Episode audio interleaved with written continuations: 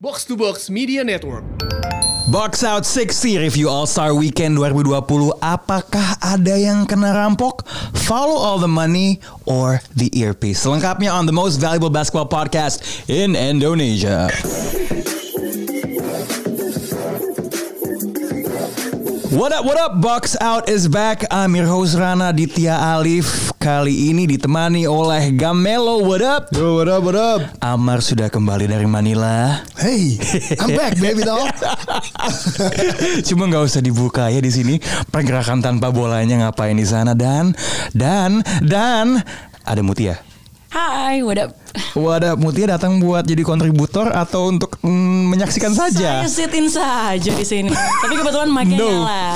Oke oke oke. Um, First of all, gua masih belum move on dari Nobar uh, All Star Saturday di At America. It was so lit. It was a success, huh? Yes, thanks to you. Yes. Terima kasih ke Mutia yang sudah menawarkan At Terima kasih, America. Mutia. Thanks a Mutia. Ah, ada maunya ini. Playoffs, playoffs. Iya, iya, iya. Iya dan kita sudah melontarkan wacana itu kan di panggung. Baik, baik. Siapa nanti tahu bisa. Saya sampaikan langsung ke Pak Dubes ya. Betul sekali mantap. Walaupun mungkin akan butuh clearance tapi kalau turn outnya bisa kayak kemarin it's gonna be Yap, dope. yap.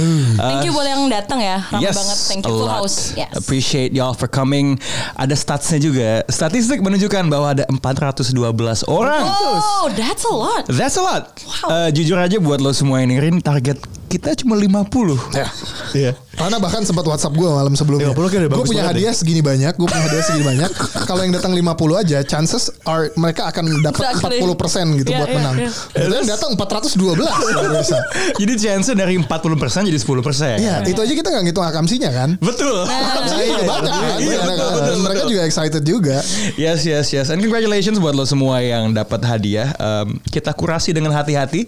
Uh, ada topi Miami Heat waktu itu, ada baju Paul George yang kayak GTA. Ya, walaupun pertanyaannya sampah itu kayak bangsat. Tidak ada hubungannya. Kemal Kemal menunjukkan dengan pertanyaannya itu. Hey, shout out to Kemal, shout out to Overtime juga yang membantu mengorganize. Shout out ke Authentics ya, karena gue beli beberapa kadonya. ya, banyak. Yes, and shout out to shout out siapa lagi? Praxis, firma PR-nya NBA karena menyediakan tiga kopi NBA 2K20. Basket Omong. Basket Omong. Sebagai dessertnya sebagai dari nonton bareng. Ada main pick up. Main pick up. Main pick up. Kalian main 3 jam ya. Gue cabut jam 2 kayaknya Serius? kabur gue. Oh. Yes, silently. Sama seperti permainan gue di lapangan tidak tampak gitu. gue tiba-tiba menghilang saja gitu. By the way, intermezzo dikit ternyata Ya. lo lefties ya? Yes, Oh, gue wow, wow. kalau uh, melempar uh, itu gue tang gue kidal. Uh, so I, I shoot with my left. Jangan-jangan anggapannya sama kayak Ben Simmons. Selama ini lo memakai tangan yang salah. Tangan Makanya lo dianggap tidak ada. ada ada ada ada ceritanya sih by the way. Um, gua itu sebenarnya tangan do- dominan gua tuh seharusnya kidal. Tapi biasa kan karena orang Indonesia lu kalau tangan kiri buat cebok. Jadi gua nulis, makan semua pakai kanan. Kan, pakai tangan. Baik, pakai kanan. Yes, di, di, dibilang soalnya lo akan susah nantinya. Walaupun sebenarnya orang kidal sih baik-baik aja. So, first of all, All Star it was was probably dalam recent memory ya the best All Star weekend ya. Kalau kita lihat perubahan-perubahan, mungkin kita mulai dari Sunday dulu kali ya. Yep. Em, lo gimana, Mar menyikapi banyak banget perubahan, banyak banget em, mungkin kecemasan atau pertanyaan di benak netizen terhadap kok aturannya berubah drastis ya All Star Game nih. em, tiap quarter skor skornya di reset, kemudian di quarter terakhir shot clock mati, eh waktu nggak ada, kita main sampai eh, pada akhirnya plus 24 kan untuk menghargai Kobe Bryant. But the changes, Mar, they actually worked ya. Ya, kita akhirnya mendapatkan tontonan yang asik ya. Yes. ya sebenarnya ini kan kombinasi uh, dari charity-nya NBA yang akan dilakukan dengan pemenang dari setiap quarter yang akan memberikan charity kepada uh, pilihan penerima charity tersebut masing-masing dan uh, ya, ada yang namanya uh, Ilam Rolls. Itu I- Ilam Rolls. Jadi itu sebuah peraturan yang dibuat sama seorang profesor dari Ball State University kalau nggak salah namanya Nick Ilam. Oke, ball saya di Indiana by the way. Oke, ya oke. Lanjut. India. So, kalau soal Indiana tuh selalu ada yang coli, selalu ada yang coli. Ya ya lalu. lalu. nah dia tuh bikin bikin bikin uh, salah satu rules adalah begitu bahwa uh, dibuatkan bahwa permainan basket itu akan lebih asik kalau misalnya mengejar eh, skor yang dituju gitu loh. Kayak kita main badminton kan misalnya nyari skor 2-1 main Atau tenis. gitu. atau tenis. Bukan sekedar cuman ngomongin waktu doang gitu. Tapi ada tetap di shot clock dan itu membuat permainan kemarin karena melibatkan charity-nya itu sendiri udah gitu kayak ada nggak tahu gue seneng aja sih ngeliat orang-orang eh, yang mempunyai title superstar sendiri mainnya ngotot. Waktu kemarin gue sempat diajakin sama Kemal di overtime, gue sempet apatis eh, superstar itu akan ngotot mainnya karena biasanya yang ngotot tuh yang baru kepilih sekali dua kali yang masih pengen nunjukin gitu. Dan gue belum seingat gue ya silahkan dikoreksi sama yang dengar kalau yang salah. Gue belum pernah inget ada yang taking charges di NBA All Star Game dan itu dilakukan oleh seorang Kyle Lowry yang- Baginda Kyle Lowry. menurut The gua- real MVP. menurut gue luar biasa banget dan eh, di quarter satu menurut gue masih agak sampah ya maksudnya masih agak pengen menunjukkan adanya show-show dengan dang-dang masih yang asik gitu. Eksebisi, Iya, dengan- eksebisi. dengan, no defense quarter 2 udah lumayan tuh udah lumayan quarter 3 dengan hasilnya yang imbang itu itu lebih lebih seru lagi dan quarter 4 sih. Luar biasa sih. Ternyata buat ngejar skor itu eh, seru banget. Banyak yang bilang bahwa endingnya agak anti klimaks karena harus ditentukan sama sebuah free throw. Tapi menurut gue itu akan lebih bikin seru lagi sebenarnya. Karena apa? Karena lu sebagai defender bener-bener harus defense secara bagus tanpa harus melakukan foul. Dan sayang sekali Kyle Lowry yang waktu itu menjaga seorang Anthony Davis memang secara size juga nggak akan mungkin bisa gitu loh menghadapi Kyle Lowry, eh, menghadapi Anthony Davis. Karena passingnya juga passing LeBron James Sempetin aja dimasukin ya satu. Nah, jadi Siapa intinya, nih yang coli? Intinya sih menurut gua menurut gua kita disajikan sama pertandingan yang eh, paling seru lah ya. Gua gua gua pribadi paling seru gua tonton sebelum ini mungkin All Star Game 2003. Di saat All Star Game terakhirnya Michael Jordan di quarter-quarter terakhir ada perseteruan antara Michael Jordan dengan Kobe Bryant dengan Kevin Garnett juga pemain kesukaan gua. Jadi itu kayak menurut gua di recent memory gua itu yang menurut gua paling seru. Tapi di- dengan adanya ini menurut gua ini pecah banget, seru banget. Ini aturan dibuat untuk eh, menghargai, eh, mengenang jasa Kobe Bryant, Mamba mentality. Menurut lo, lo merasakan hawa-hawa Mamba mentality menyeruak merasuki pemain-pemain di lapangan nggak di kuarter keempat? Iya lah pasti. Apalagi kalau dari visual sendiri kalau kita bicara visual ya. Hmm. dari jersey-nya aja mereka kan tim LeBron sama tim Yanis pun juga em, untuk tim LeBron mereka jersey-nya uh, number 2 Hmm. and then 24 for uh, tim Yanis kan. So even dari visual untuk kita yang sebagai penonton aja it, it seeps in gitu ya. The the the moment uh, bahwa itu semua. Hari itu yang mengenang Kobe dan juga dari kalau dari permainan sendiri kan memang karena gue kalau gue sih karena um, I prepare myself nonton uh, banyak juga interviewnya pregame dan segala macam untuk untuk untuk mereka gitu. Salah satunya juga um, Booker, kemudian juga uh, kalau dari Saturday-nya sendiri All Star Saturday mereka juga let's say uh, uh, Pat juga kan bilang bahwa ini juga tribute untuk mengenang Kobe. Uh, banyak gaya-gaya mereka pun dunk or whatever transpirasi dari Kobe. So so I feel like uh, it's there. Dan tentunya si Kawhi, pemenang, the very first. Very first, ya ya ya. Kobe ya. Bryant Kobe. uh, All Star MVP Award juga bilang this this one's for Kobe. Um, so Gam, apakah memang benar dalam pertandingan seperti ini memang kuncinya setelah dari sampel size satu pertandingan kemarin memang lebih kompetitif All Star lebih seru. Oh iyalah di mana-mana uh, yang Pastinya. namanya yang namanya fans pengen ngelihat sebuah game yang kompetitif di mana di mana mereka give all out uh, untuk menang sehingga per- pertandingan jadi seru. Kalau misalnya cuman cuman ya kalau misalnya dunk contest k- kayak misalnya di uh, yang rookie game itu kan ada satu-satu bagian di mana mereka membiarkan permainan nggak terjadi terus pada contest saya asik sendiri. Ya itu juga seru tapi itu menarik itu menghibur. Tapi kalau untuk sports fans yang yang dicari adalah kompetisi. Hmm, gue tuh ngerasa ya em, dengan semua perubahan kali ini karena gue gue mungkin apatisnya gue nggak tahu apakah sama apatisnya sama lo Mart, tapi dalam artian ya All Star bisa ada All Star game aja sebuah liga. Ini gue mencoba membandingkan NBA dengan liga-liga olahraga lainnya apalagi yang non Amerika to have an All Star break aja itu udah sesuatu yang gila nih liganya baik banget sama fans ya. Di, di- difasilitasi dikasih beginian gitu. Dan ini tuh dibandingin sama kalau kata orang MLB dan NFL sebenarnya. NFL tuh katrol banget diadakan seminggu sebelum Super Bowl dan pemain yang main di situ udah pasti nggak main di Super Bowl. Jadi kayak bukan pemain yang top marko topnya banget lah gitu. Dan American football kan olahraga yang brutal kan. Jadi sebisa mungkin di Pro Bowl tuh nggak ada yang menekel dengan serius. Karena kan konyol kalau tiba-tiba nanti ada yang cedera, Cedera. karena yes karena pertandingan eksebisi. Karena friendly lah kalau meminjam istilah bola gitu kan. NBA ini bener-bener cinta banget sama fansnya sampai untuk pertandingan yang eksebisi. Dipikirin gimana caranya kita bisa gue gini lah kalau ada yang bilang Avengers Endgame itu fan service paling banyak no fucking way man. NBA is menurut gue sebenarnya ya nggak cuman NBA ini di lapangan All-Star Game kerasukan kerasukan arwahnya seorang Kobe Bryant ya. Tetapi kerasukan pemikiran-pemikirannya seorang David Stern. Karena David Stern tuh pernah, pernah ngomong kan, gue tuh ngebikin liga ini perbandingannya bukan sama liga olahraga lain. Perbandingan gue tuh sama Disney. Semua arena gue ini theme park. Kalau Disney ini punya maskot, punya Minnie, punya Donald Bebek, ya maskot-maskot gue, karakter-karakter gue adalah pemain-main basket ini gitu loh. Dan Dan sekarang bener itu jadi, jadi Iya. sekarang NBA jadi players league kan. Iya, N- NBA itu di All Star tuh menurut gue dia udah kayak Disney. Dia tidak melak, dia melakukan imagineering gitu loh. Dia tuh benar-benar memposisikan dirinya sebagai penyelenggara. What if I was a fan too? And they basically gave us everything we wanted. Yang gue penasaran adalah begini. Sekarang kita happy, oke? Dan mungkin format ini akan diteruskan.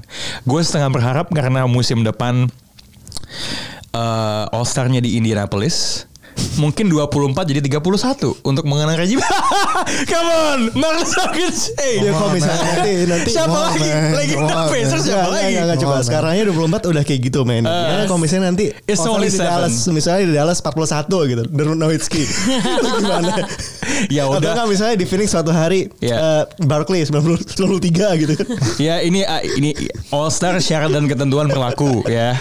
Cuman uh, what I was about to say adalah I want to see how far this will go.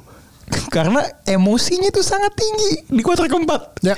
Ya nggak cuman flopping, protes sama wasit. Wah. Ada challenge gitu. Em, SJW SJW. Nah, dan ternyata kalori lebih SJW daripada Chris Paul gitu kan. Cuman eh gue penasaran once somebody gets injured, someone gets hurt, pasti akan ada blowback gitu loh. Gue pengen melihat, gue pengen lihat kemarin tuh setelah semuanya bermain dengan begitu emosi bisa switch off. Karena oh ya eksibisi it's for charity. Gue kepo aja gitu. Suatu hari ini ada black mirrornya nggak ya? Gue lebih aturan kayak gini. penasaran eh, point of saturation ya di mana Kita bosan. Ketika eh, pemain enggak bukan bukan kita malah mainnya bosan dengan format seperti itu dia udah ngelihat oh ya udah Ah. kayak gini eh, mungkin ini karena tahun pertama dan eh, apa namanya nah, kematian Kobe juga ya ya? enggak kematian Kobe masih fresh jadi Ya. ketika mereka ada award di, eh, di apa namanya ada Ko- Kobe Bryant Trophy itu Mhm. itu menjadi ekstra motivasi buat mereka juga untuk menang untuk give their all untuk menang trophy itu kan Oke. Nah, ketika misalnya sudah 10 tahun gitu, sudah apakah ini bakal jadi point saturation? Jadi uh, ya akhirnya All Star pemain-pemain itu balik lagi ke sebelumnya yang menganggap All Star Game adalah ya udah tempat di mana mereka bisa pick up game dengan teman-temannya bisa senang-senang ketawa-ketawa sambil main basket. And at that point kan tadi analoginya fan service kan. Ya. NBA ya sama halnya kayak Marvel nih. Dia terus membuat variasi-variasi tipis kan. Dari tadi ya film sang dia bikin series. Series. Tema filmnya makin diverse. Bisa jadi nanti NBA melakukan diversifikasi yang sama. Gue nggak tahu sih mungkin. Nah itu bukan bisa jadi, itu pasti jadi. Pasti kita, jadi. Kita gini, kita kan pernah bahas bahwa NBA waktu itu gue pernah bilang NBA adalah liga paling dinamis yang Hmm. gue tahu. Gue nggak terlalu ngikutin banyak-banyak liga olahraga lain, tapi gue bisa bilang NBA paling dinamis dan paling mudah untuk mengadap keinginan fans. Ya. Dan itu selalu dilakukan dan kita juga nggak bisa tahu musim depan mungkin akan berubah lagi. Tapi Hmm. dengan salah satu ini dijadikan sebagai percontohan, mungkin selama lima tahun ini masih akan dipakai dengan format yang sama. Tapi kayak tadi lo bilang competitiveness itulah yang memang kita karena kita tuh pengen ngelihat detik-detik dan menit-menit terakhir tuh terakhir tuh yang thrilling gitu loh, yang memang kita akan asik gitu loh nontoninnya. Kalau kita ngomongin gini, dengan adanya era kemudahan kita ngelihat video sekarang, Iya. ngelihat slam dunk contest tuh asik, tapi nggak luar biasa. Tapi lu lebih asik lagi ngelihat suatu games yang sangat intens yang yang yang benar-benar lo seru nontoninnya ditentukan sampai ke detik-detik akhir. Dan itu akan terjadi di uh, Ilham Rose ini gitu loh yang akan diterapkan kemungkinan sampai mungkin lima tahun atau 10 tahun kayak tadi kata Gamal ke depannya. Dan ini juga kan sebenarnya sudah diterapkan di Big Three. Big Three kan juga menentukan skor akhir yang akan dituju tuh berapa gitu loh. Dan kita juga lumayan nih beberapa pertanyaan Big Three itu cukup asik gitu loh untuk ditonton. Jadi gua rasa pasti akan berubah gitu loh. Dan kayak tadi lo bilang soal kekhawatiran pemain cedera.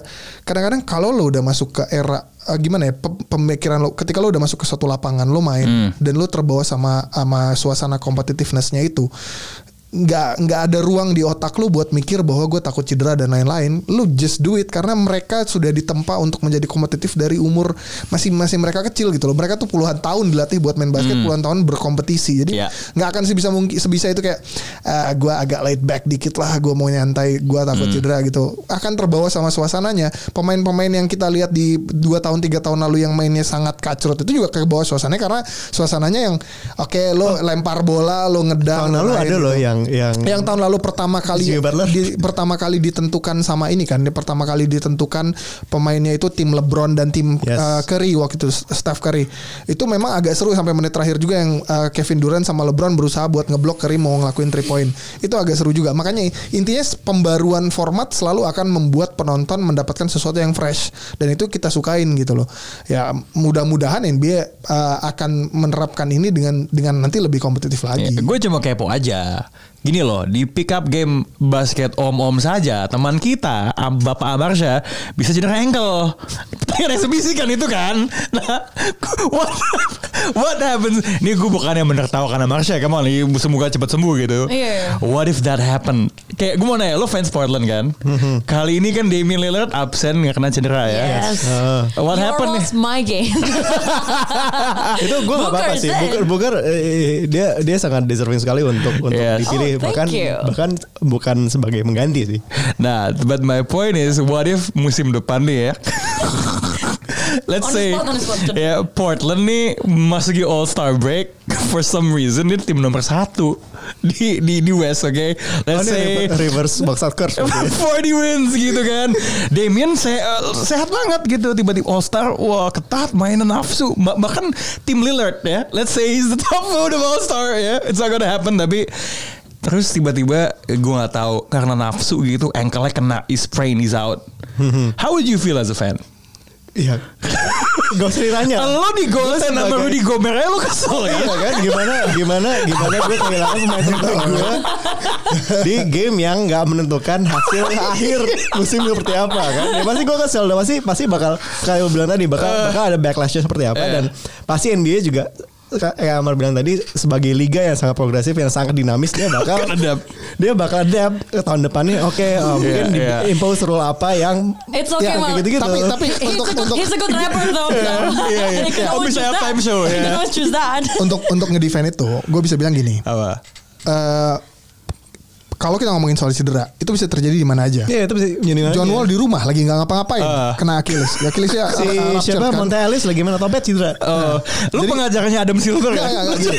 yang yang yang yang mau gue bilang adalah fans ter- terkadang suka menyalah uh, menyalah interpretasikan bahwa permainan uh, yang tidak mempunyai meaning uh, apabila dilakukan secara intensif berpotensi untuk menjadi cedera. Sebenarnya nggak gitu juga. Presidennya mana kalau misalnya ada the All Star Game pemain yang cedera yang mengakibatkan uh, kegagalan buat timnya.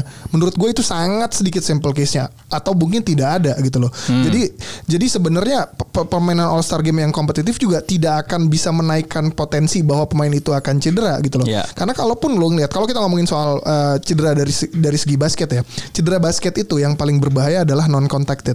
Hmm. Bukan ketika orang bertabrakan sama orang jadi cedera. Tapi orang kayak kayak Achilles itu ACL tuh gitu-gitu, ACL, ya. itu tuh nggak ada kontak sama pemain lain. Iya. Jadi mau dia sengotot-ngototnya kayak kemarin ya kita disajikan nggak nggak paling mungkin kena cakar kena cakar kayak gue kemarin habis main basket Oh, omong. Jadi ya begitu. Jadi menurut gue tenang aja. Dan lebih tuh. berisiko kena cedera di slam dunk contest ya kalau kita lihat tangannya. Kalau gue menurut gue Aaron Gordon ya. Cedera, cedera mungkin aja bisa jadi mana pun gitu dan Oke. dan kalau misalnya terjadi kayak gitu ya ya apes gitu mau mau gimana? oh baik. Oke oke, let's let's let's play a statement game. Oke, gue akan menyebutkan satu statement tentang All Star Game dan mungkin All Star Weekend. I just wanna get your feedback on it. Oke. Eh, Amar. Yes. Chris Paul is the real MVP of All-Star Game 2020. Statistically yes. gue pernah, eh, gue kemarin bilang juga tuh, makanya gue sebenarnya khawatir juga tuh Phil dari Coli denger ini. Oh iya, iya pasti, pasti. Sebenarnya secara plus minus dari permainan kemarin, eh, Chris Paul tuh jauh banget jaraknya sama yang lain. Chris Paul tuh plus 13. Kawhi seorang MVP tuh minus 5. LeBron Yeah. James minus 1. Hmm. Dan Le- eh, Chris Paul tuh nyetak 23 poin kalau nggak salah, Right. poin-poin di krusial. Dan gua nggak menyangka bahwa dia masih punya vertical leap seperti itu dan itu loncat dua kaki loh, bukan loncat satu kaki. Gue sering lihat dia loncat satu kaki itu. ngedang, itu dua kaki dia mendapatkan alley-oop dan dia dan gini.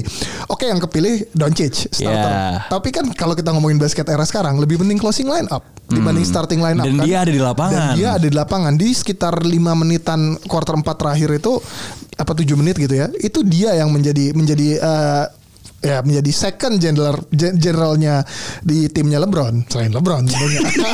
Seneng banget. Tetap ya Napoleonnya mesti LeBron. Em, ini ya efek apa kalau kata bahasa anak zaman sekarang plant based diet. yang sedang dilakukan sama Us ya. Us ketika ke Tori Bar dia nggak mau menyentuh yakitori. Dia cuma makan oden. Pure karena sekalian latihan nironin badannya makin jadi.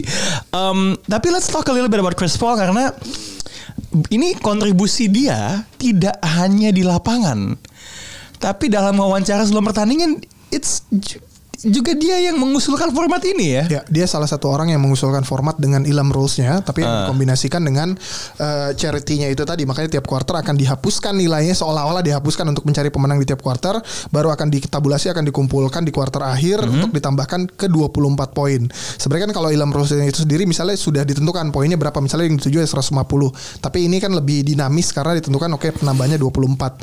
Padahal harusnya kalau bisa lebih lebih seru karena kan kalau All Star Game itu 24 poin satu quarter tuh nggak banyak ya. Iya. Itu malah kayak di Dikit game banget. biasa gitu kan. Hmm. Makanya nggak apa-apa kalau 77 nanti.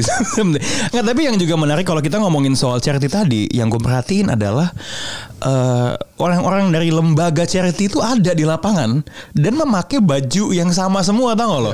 Vibe itu jadi kayak lo nonton pertandingan kuliahan NCAA di mana semua fans itu seragam atau fans ketika playoff kan biasanya dikasih t-shirt yang sama.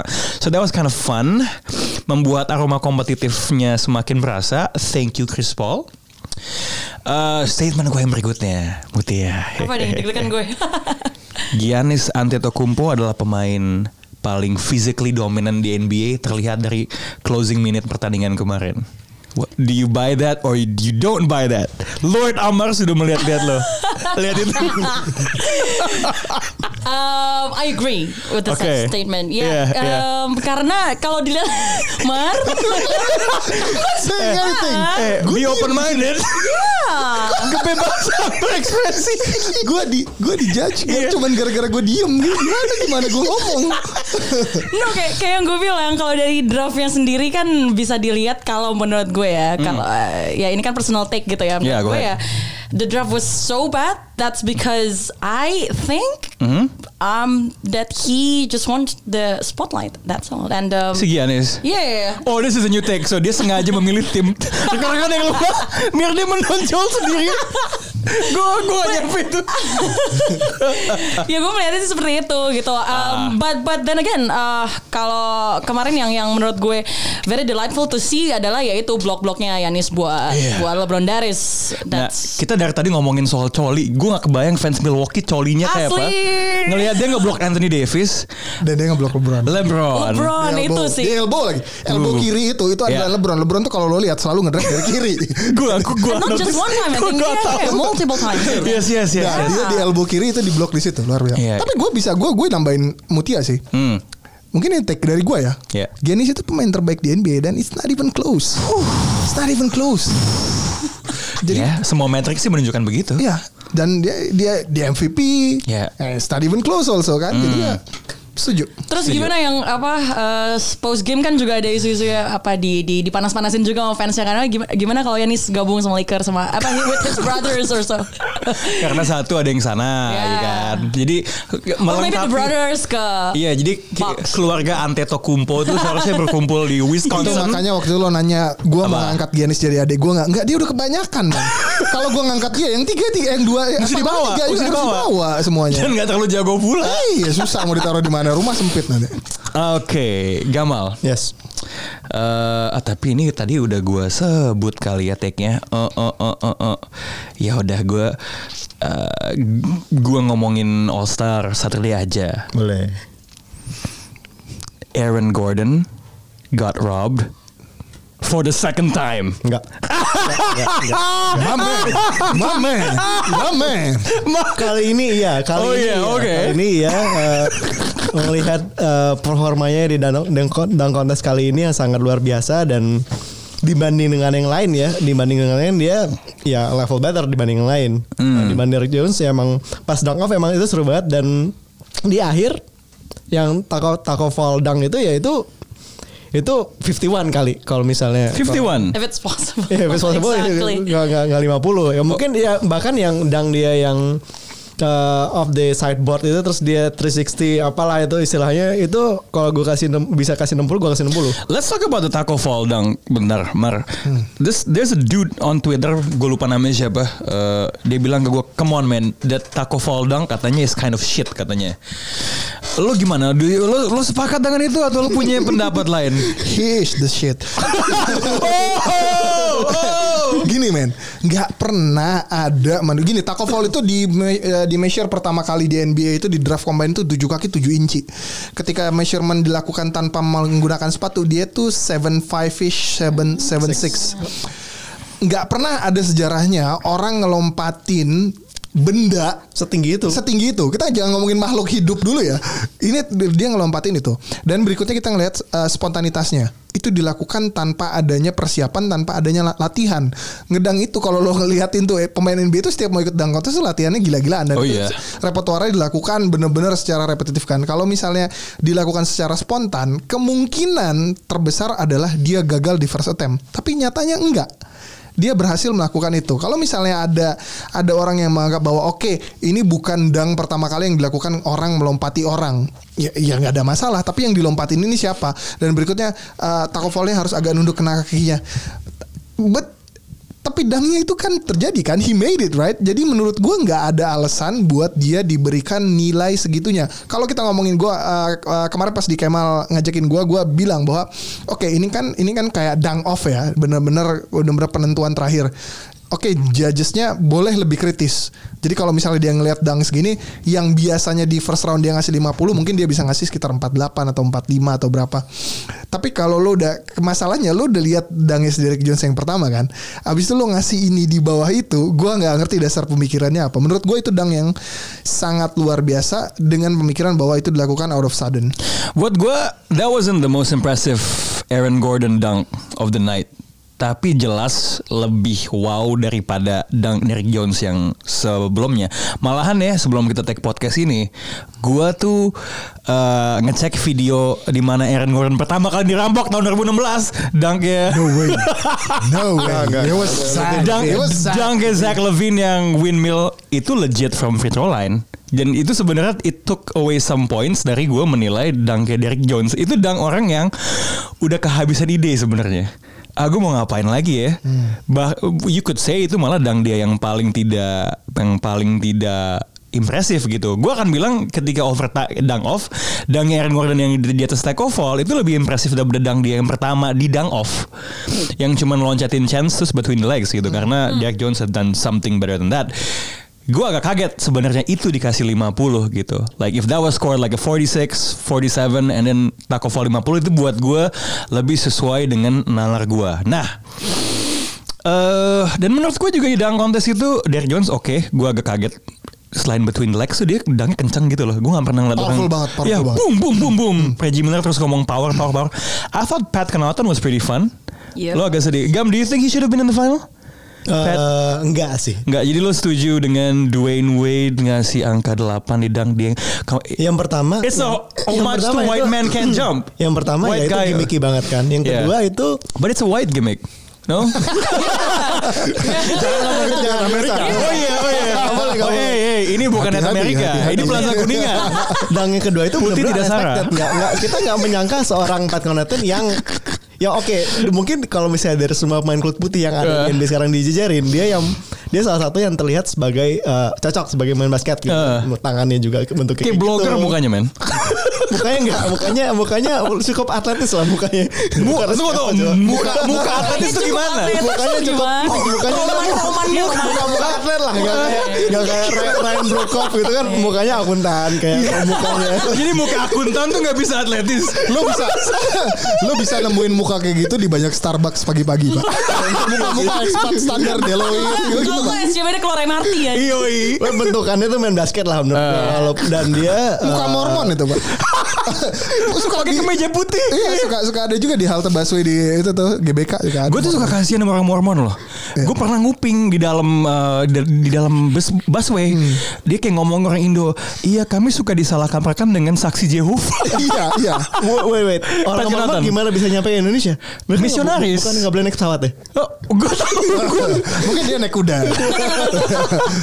anyway, anyway, Pat, dia uh, maksudnya in game dunk-nya juga bagus, impresif Yeah, gitu. yeah, dan- yeah. Tapi gue gak menyangka dia bakal bakal se impresif itu di dunk Yeah. contest. Dia Yeah. bakal bikin double tap dunk dan terus yang Ya gue paling suka sebenarnya cara-cara dia itu dia menjelaskan habis itu dia nungguin di table.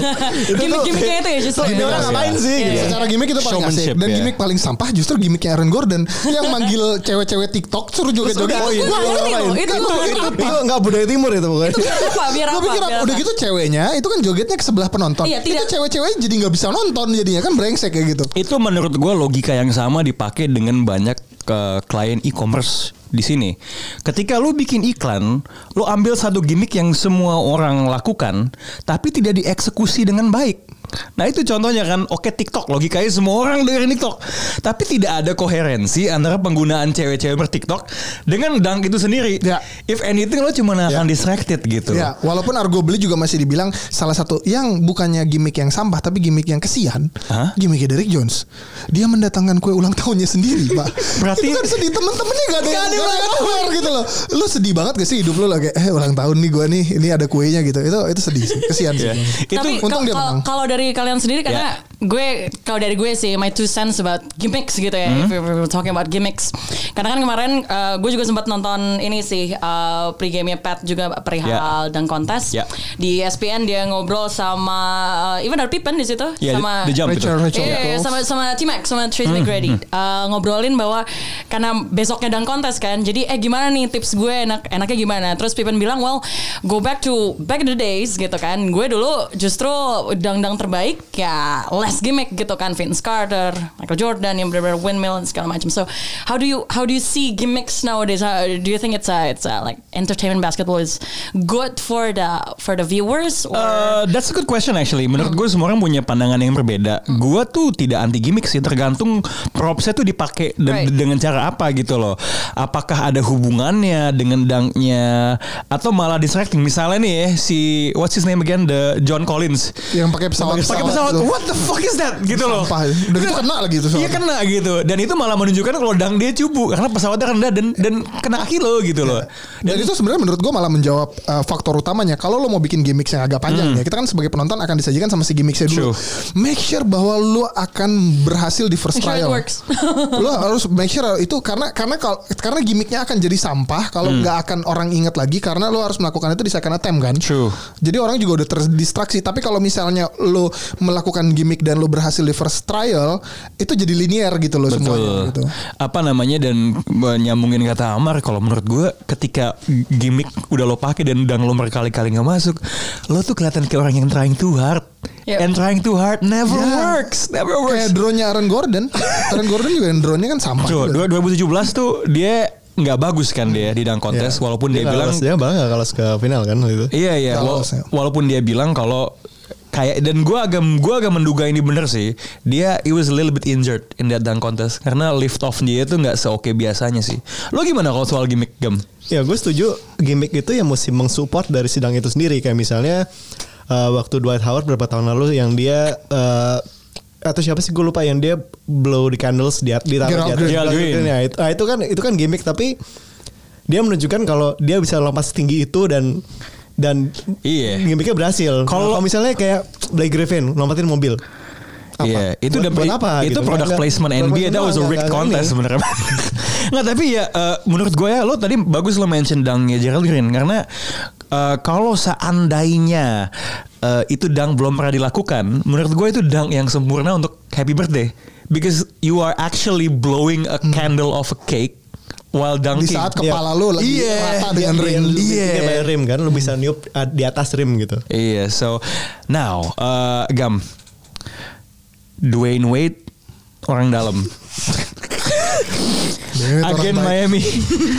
lo do, do you buy that? Lo lo, lo percaya conspiracy theorist yang menunjukkan video si Wop kan bikin kan di Yes, Twitter yes. kalau lihat deh ketika scoring Enggak, terakhir enggak, enggak gini kalau dia udah melepaskan Gua- earpiece-nya. Gue gue gue follow the money, follow the earpiece. Gue selalu menikmati yang namanya konspirasi, konspirasi teori dari zaman-zaman apa dulu ada John Titor segala macam atau enggak kayak uh, Beatles si uh, Paul McCartney is dead segala macam. Gua Iya, suka iya, gitu. iya. Tapi itu semua disajikan uh, cara penyajian semua konspirasi teori itu adalah menunjukkan ke satu poin gitu. Lo Iya. dibuat percaya karena Lo deep juga, karena karena semua semua uh, bukti-bukti yang disajikan tuh menunjukkan kalau oke kayak misalnya di sini Dwayne Wade melepaskan earpiece-nya setelah setelah dia langsung setelah masukin skor langsung dilepas. Sebelum Jadi dia- skornya revealed Sebelum gitu. skornya revealed. So Jadi- he knows jadi- it's over anyway. Ah, kayak gitu-gitu terus yang apa namanya dia udah yang tem- orang-orang si si Chadwick sama Subert juga pernah lihat langsung ketika uh, skornya keluar langsung lihat ke Dwayne Wade kayak wah ini orang kenapa nih? Kayak, kayak itu itu kan itu kan seperti mungkin kalau misalnya ditelaah secara objektif ada lagi uh, ya mungkin yang salah yang ada miskom atau yang yang harus yang nggak ngasih 9 tuh mungkin adalah bukan Dwayne Wade gitu kan tapi itu videonya menunjukkan ke situ. Ya, jadi do you buy that? Eh, Gak mau politisi sekali coba. Iya. Gua- ceria, gua- mana Seperti ini. Bung Sandiaga ya jawabannya. seru-seruan aja, gue mau seru-seruan aja dan for the sake of argument gue uh, Sandiaga Duo. gue. dan hubungan dia dengan Derek Jones segala macam ya kayaknya ada sih hubungannya. Ya sesama orang Miami.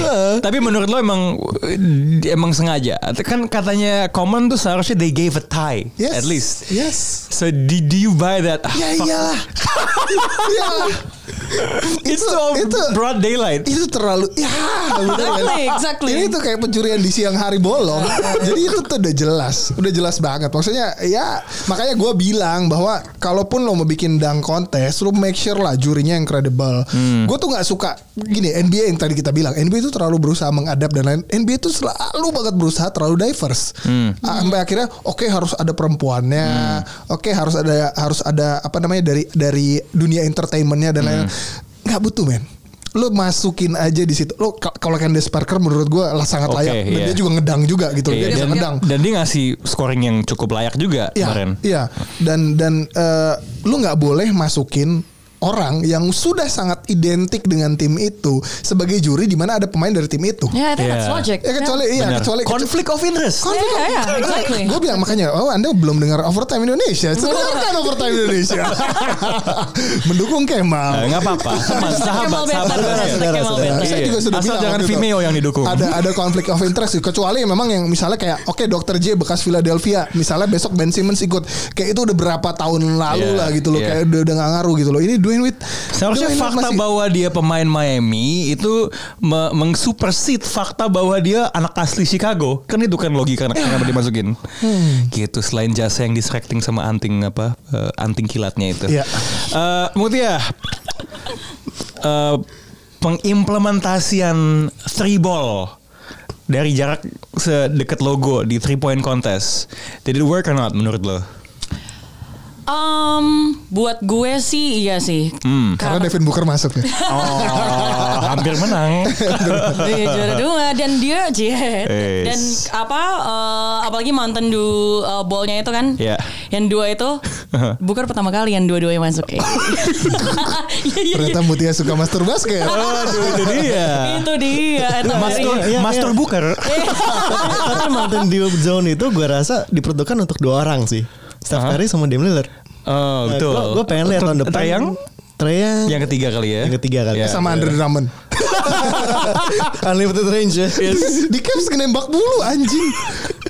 Nggak, maksudnya gue pengen ngelihat itu di, di, di ya digunakan oleh orang-orang yang yang menginspirasi. Oke, thank you. Nah, makanya kita lihat tahun depan seperti apa. Oke, oke, we'll see, we'll see. But it was, it was, it was a good three point contest. It was a Yeah, good. three point contest. Down the wire. Gue lumayan dapat menang banyak karena gue dari awal megang Buddy Hill. Menang banyak dalam arti Anda apa sebagai nih? Anda Menang- gimana bukan, Anda? menang oh bukan. undian. Iya, Oh, iya. undian. Iya. Ah, Oh, jadi oh, ada gacha ya? Ada gacha raffle. Jadi kalau kalau menang itu dipuji. Itu aja. wow. Enggak enggak melibatkan uang, enggak melibatkan. Enggak. Tidak melibatkan Menang uang. pujian. Iya, jadi kalau menang oh dipuji Oh, oh, oh, oh, oh, Pujian dari. Soekarno, Hatta, Franz Kaisepo. But anyway, it was so close man ya. Yeah, Buddy yeah. Sama sama Booker sendiri kan benar-benar uh, di two rounds itu Hmm. benar-benar beda dua 28 27 27 26 Ya, kan? ya, ya. It was really close and tight. Gue agak sedih tapi gam. Kita lo- cara kita berlogika untuk memilih pemenang kali ini gagal ya. kan kita selalu memilih orang kulit putih yang tidak terdengar. Ini bukan maksud rasis ya. if, if that thing is racist at all. Di tahun ini masalahnya nggak yang ikut orang-orang kulit putih yang ikut itu bukan tidak terdengar.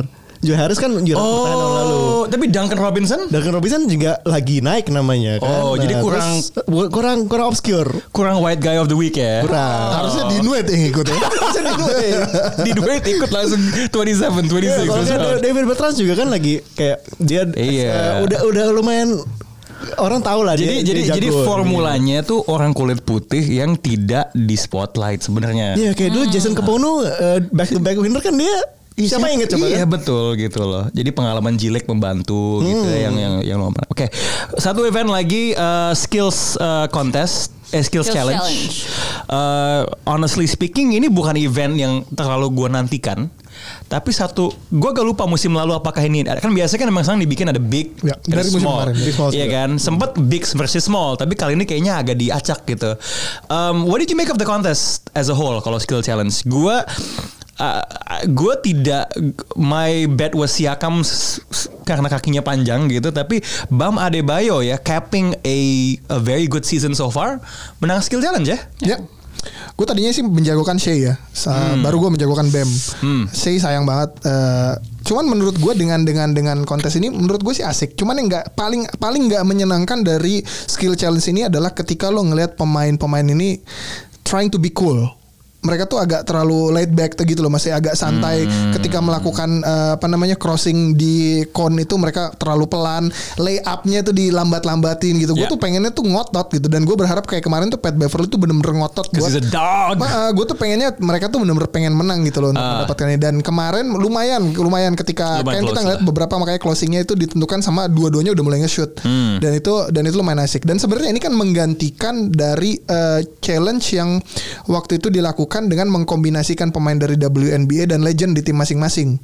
ya ya Ah, betul jadi shooting misalnya star Shooting star. Nah jadi itu it- ini akhirnya shooting star mungkin dianggap nggak terlalu seksi lagi. Yes. Akhirnya diganti dengan format ini dan eh, ini eh, menyenangkan karena ini juga akhirnya menjadi penunjuk bahwa NBA itu udah sangat versatile pemain-pemainnya. Pemain besar juga bisa melakukan apa yang Ya. dulu dianggap hanya bisa dilakukan oleh pemain kecil gitu. gue yang mm, actually yang lebih bikin gue kaget daripada Adebayo menang adalah jagoan gue Domantas Sabonis peringkat dua final ya?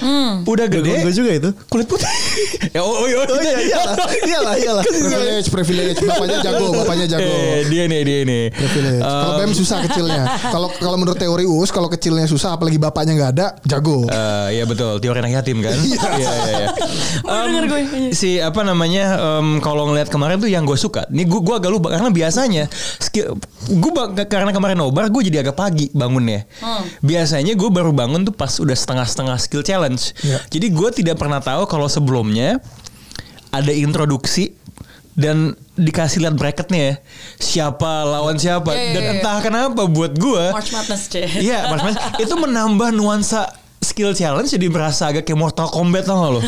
kayak oh, Jago yes. hilang hilang. Bener nongol satu persatu. Oh Pat Beverly lawannya siapa? Tang gitu. lo bayangkan lo bayangkan dengan introduction kayak gitu, tapi bukan skill challenge, One on one. One on one. Oh, itu yang it- itu yang semua fans kan si Bleacher Report tuh would bikin. pay for that. Yoi.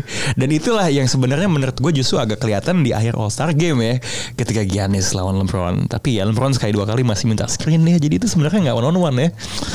Ya tapi pemain pemain di musim ke-17 berumur 35 Iyo, tahun masih dijaga sama pemain terbaik. Basket emang emang emang tim tim tim tim sports kan. Kalau ada punya dia Kalau gunakan lah. minta afirmasi gitu. Kalau sekali. Itu juga maksud gue itu ada Kawhi, Anda. ada James Aduh. Harden apa? Kenapa Giannis sebagai defender terbaik di tim Baik. itu memilih menjaga siapa? Aduh gila syarat dan ketentuan. Oke. The Ini- second greatest of all time. Oke, counselor chill. ya, ya, ya, ya. Oh ya happy birthday juga buat Michael Jordan. Yes. Kemarin. Happy birthday MJ. Ya. Goat. ada ada yang respon di Twitter box to box the goat but the shit GM. eh shit owner, shit Iya, iya, owner. emang, emang. Oke, uh, speaking of GM juga uh, waktu sempet ya? di Washington. Washington sempat jadi GM juga ya? Sempat, Pak. Aduh. Um, basketball related news palingan kan masih pemain masih liburan. Ada yang liburan kemudian berpindah tim. Selamat kepada Bapak Pangeran Siaan karena akhirnya uh, salah satu point guard kesayangannya Reggie Jackson melakukan buyout dan dirumorkan akan bergabung dengan teman sesama beta male-nya di Clippers. Yang pernah lama di Indiana. Beta City. Paul Paul George, um, Reggie Miller alpha lah. Anyway, uh, Peyton Manning di NFL alpha lah. Come on. Um, Where's the ring? Peyton Manning ada satu Colts. Iya iya iya. Pacers nggak ada. Iya iya iya susah pak. Small market. Um, you have another ball handler sekarang di Clippers Mar. Yap. Menurut lo nilai tambahnya segede apa ke tim yang sudah sangat stacked ini? Eh, ini gue gak ngerti nih ya kenapa eh, kemungkinan Oh ya, akan bergabung Sorry, situ. by the way, ketika podcast ini masih kemungkinan masih masih rumor belum ada ya. Iya, ya, memang masih rumor. Ya. Tapi kalaupun memang masuk ke situ, eh, minute play-nya pasti akan sangat sedikit ya. Ya. Karena dia akan akan benar-benar menjadi third layer, bukan cuma jadi second layer. Karena sering kali kalau kita ngomongin Clippers, second layernya justru ada di Pat Bev. Oke, Pat Bev sebagai starting lineup, tapi Yes. eh, Clippers itu nggak tim yang eh, benar-benar menunjukkan starting lineup karena dilihat dari minute play para pemainnya itu eh, yang starting malah bisa jadi dikit banget. Di stagger ya? di stagger. Jadi gue nggak ngelihat dia akan menambah sesuatu. Tapi tapi ini ini tuh kayak yang lo nggak punya juga nggak ngaruh. Tapi ya oke, it's good to be there gitu loh sebagai one of the options yang lo mau mau mau pakai untuk di crunch time atau di eh, kalau crunch time nggak mungkin lah ya. Mungkin di sisa-sisa lah di untuk ngabisin di garbage time atau misalnya meng- meng- merotasi beberapa pemain yang yang megang bola. Tapi kalau misalnya lo lihat eh, Clippers sekarang sebenarnya kan kalau ada lu di sana lu yang megang bola kalau ada Kawhi, Kawhi juga banyak megang bola. Kawhi menunjukin banget kemampuan playmakingnya yang semakin meningkat. Jadi menurut gue ini trade yang nggak akan terlalu memberikan impact apa-apa terhadap tim yang sudah sangat bagus dan sudah sangat kuat. Tapi tim ini eh ya apalagi punya Lou Williams ya di six man-nya. Em, ini tim yang belakangan karena satu hal dan lain sebagainya formnya agak wobbly ya. Eh, orang banyak bilang karena Paul George cedera dan sampai saat ini sebenarnya belum banyak juga pertandingan di mana Paul George bermain dengan Kawhi Leonard ya. Um, so at least it's nice to have Reggie Jackson. Eh, kalau menurut gue ini ya trade yang kalau terjadi ya yang cukup aneh karena kita kita tahu sendiri Ray Jackson adalah seorang pemain yang pernah menganggap dirinya lebih baik daripada Russell Westbrook kan. Dan sekarang dia bakal ada di Setiap beta pernah merasa dirinya alpha. dan dan ya eh, nggak tahu sekarang apakah dia sudah menerima kalau dirinya ada seorang role player tapi dia ditaruh dia bakal packing ordernya bakal di belakang Pat Beverly dan di belakang eh, siapa namanya Lou Williams Hmm. dan ya itu itu adalah hal yang bagus gitu apa eh, Clippers punya depth yang sangat yang sangat dalam dan kalau misalnya Ya insurance lah kalau misalnya ada salah satu yang cedera dia punya backup yang cukup bagus gitu. Tapi kalau misalnya soal fit, eh, soal chemistry lihat dulu sih gue agak nggak yakin kalau dia bakal eh, puas dengan role yang sangat kecil. Tapi dia suka main NBA 2K sama Paul George loh. Suka mancing juga loh deh. oh ya itu mungkin uh, ngelihat cat That's uh, chemistry, bro. habis ngambil apa dulu habis ngambil dilo mungkin itu kali motivasinya. Kalau gue sih kalau gue sih patokannya gini aja. Gue dari sekitar setahun setahun lebih lalu lah bahkan kalau nggak salah box out belum ada. Pange udah ngobrol sama gue kayak kita ngobrol-ngobrol basket ngobrol-ngobrolin Piston gitu Pange kayak berharap berharap banget bahwa Piston eh, bahwa bahwa Reggie Jackson nggak ada di Pistons jadi kalau seorang pangeran punya Siaan udah berharap bahwa Reggie Jackson nggak ada di Piston berarti emang ini ini orang gak ada gunanya gitu. karena saking karena Pange itu saking berharapnya sama Piston Luke Kennard aja sempet dipuji-puji lu, lu, lu, lu, lu, lu, satu-satunya alasan Pistons relevan untuk dibahas itu pange doang sebenarnya.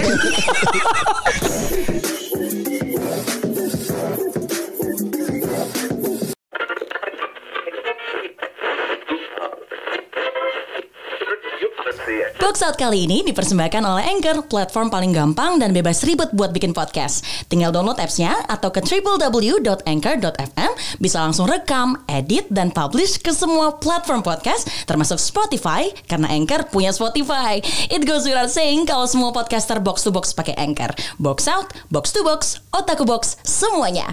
And if that's not enough, Anchor is 100% free. Waktunya mulai bikin podcast pakai Anchor.